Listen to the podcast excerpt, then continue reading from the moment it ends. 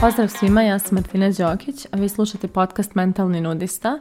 Nalazimo se u epizodi 43, sezone 3 i u ovoj epizodi govorit ću malo o sjedinju u neprijatnim emocijama, odnosno o proživljavanju nekih neprijatnih emocija koje nam se dešavaju, a svi imamo neprijatne emocije, emocije ukoliko nemamo, onda samo nismo u kontaktu sa sobom i sa svojim granicama i sve živo trpimo, pa nam se čini kao da nemamo neprijatne emocije, a u stvari imamo vrlo potisnute emocije.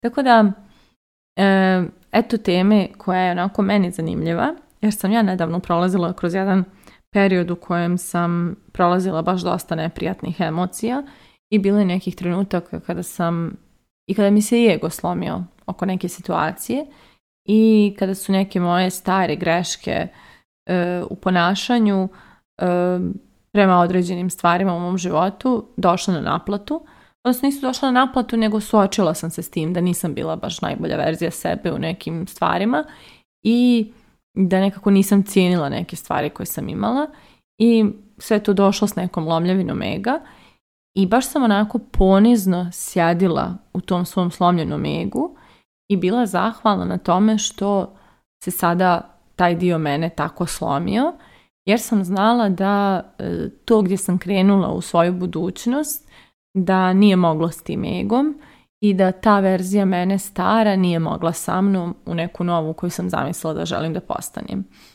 I bilo mi je baš zanimljivo jer mislim da nikad nisam svjesno, toliko svjesno sjedila u nekom bolu i neprijatnosti i kažem, baš onako nekako ponizno sam prihvatila sve te emocije koje su mi došle i baš onako neki moj zaključak u posljednje vrijeme jeste da što prije sjednemo sa tim svojim emocijama i prihvatimo ih bez borbe i bez otpora, mnogo brže će i proći, mnogo brže će nekako da se integriše to što su one donijele, e, u, doći će ono, do našeg bića, do našeg nervnog sistema, do našeg mozga i tako dalje i baš ćemo nekako brzo da stasamo u neku novu osobu zato što nismo pobjegli iz neprijatnosti koja je došla tu da nas rekonstruiše, dogradi, e, malo preusmjeri ili kako god.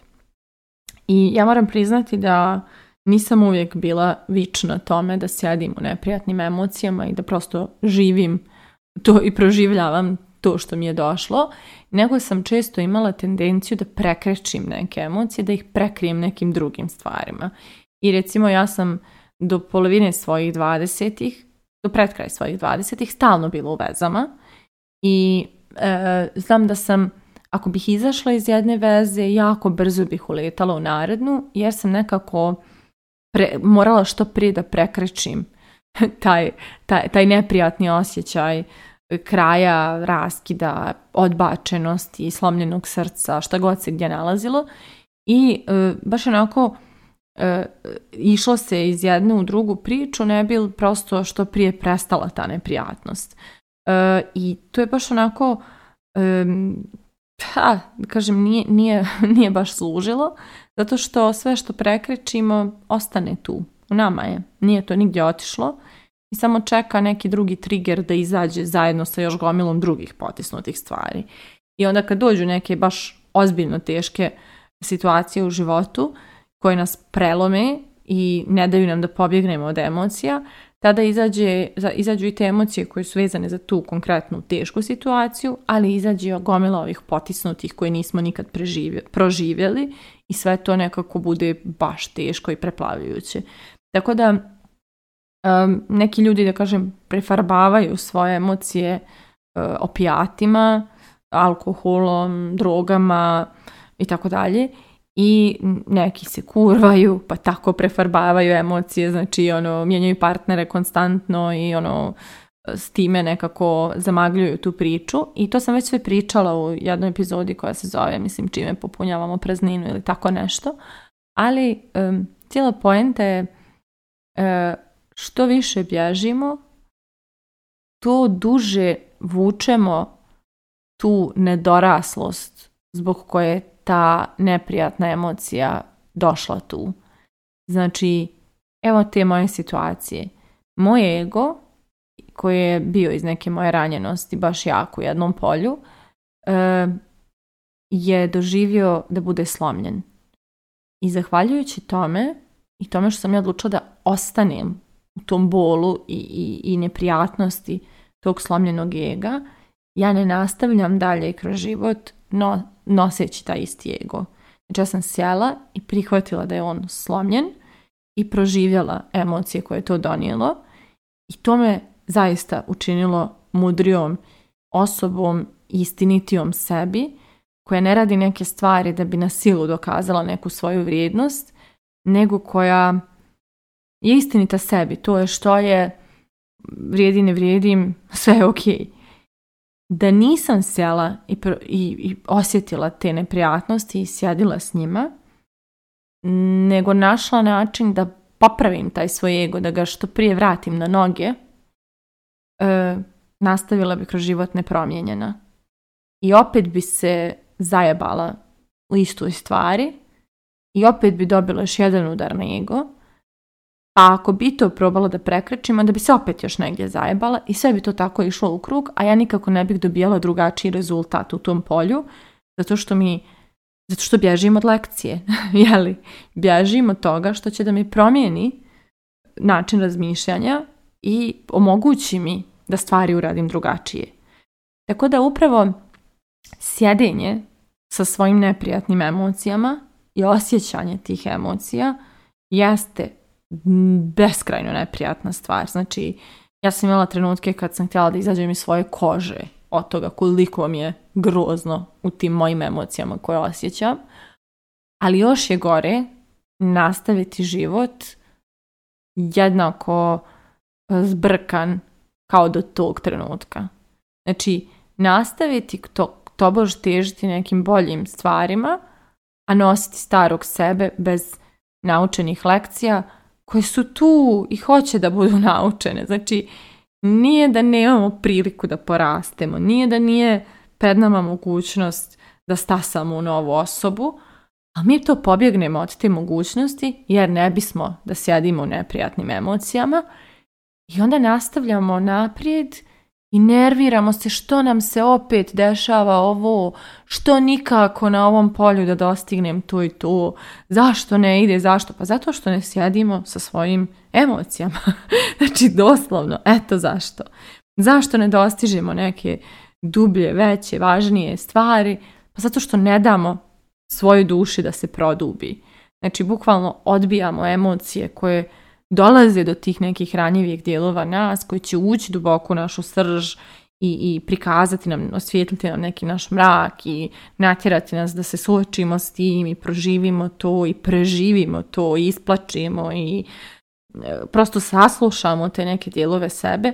E, sve ćemo to mi nekako da izbjegnemo, a hoćemo drugačiji, drugačiji rezultat. Hoćemo da u određenim poljima dostignemo nešto što nismo dosad, da doživimo nešto što nismo dosad, da uspijemo nešto što nismo dosad, ali ne bismo da porastemo kada trenutak za to dođe.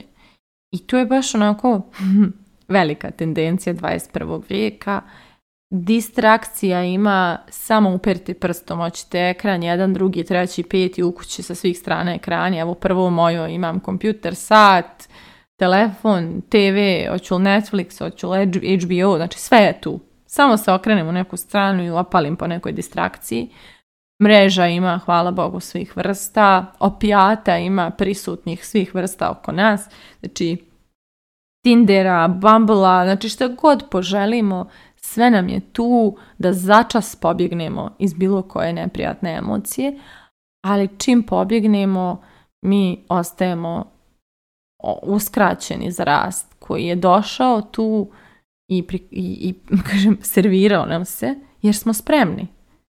Ali prosto lakše je jeli, zbrisati, lakše se praviti da nije to tako strašno i da nismo mi ništa pogriješili i da ne treba mi sad da patimo ili osjećamo neku e, neprijatnost, a u stvari time izbjegavamo susrete sa svojim ranjenim dijelovima Znači, doslovno izbjegavamo susrete sa svojim sjenkama koje, kada se s njima suočimo i s njima podružimo, mi njih iscijelimo.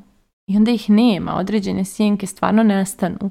Znači, mojih sjenki je tovar nestalo onda kada sam se suočila s njima.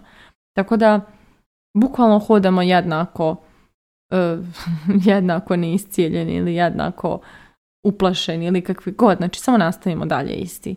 A to je tako tužno i onda kao mislimo, mm, ajde sad probam opet, pa sad ću drugačije, pa sad sam pametnija, pametnija, u stvari nisi, dok, dok, dok ne sjednemo u toj neprijatnosti, ne možemo ni biti pametniji. Prosto nema načina. Jer sve što nije prošlo kroz tijelo, znači samo smo ga izracionalizovali, uhvatili situaciju, napravili je u matematiku, ali nije ušlo u tijelo, naš nervni sistem nije proživio to nešto. I samim tim naš nervni sistem nije dobio novi input, novo znanje i ona ostaje stari. Džaba što je glava tu kao nešto sabrala pa natjerala nas da uradimo drugačije, naš nervni sistem će se zalijepiti za istu priču, za isti problem, za isti trigger, za istu verziju osobe samo u drugom pakovanju, za istog šefa samo u drugoj firmi. Znači, sve će biti isto.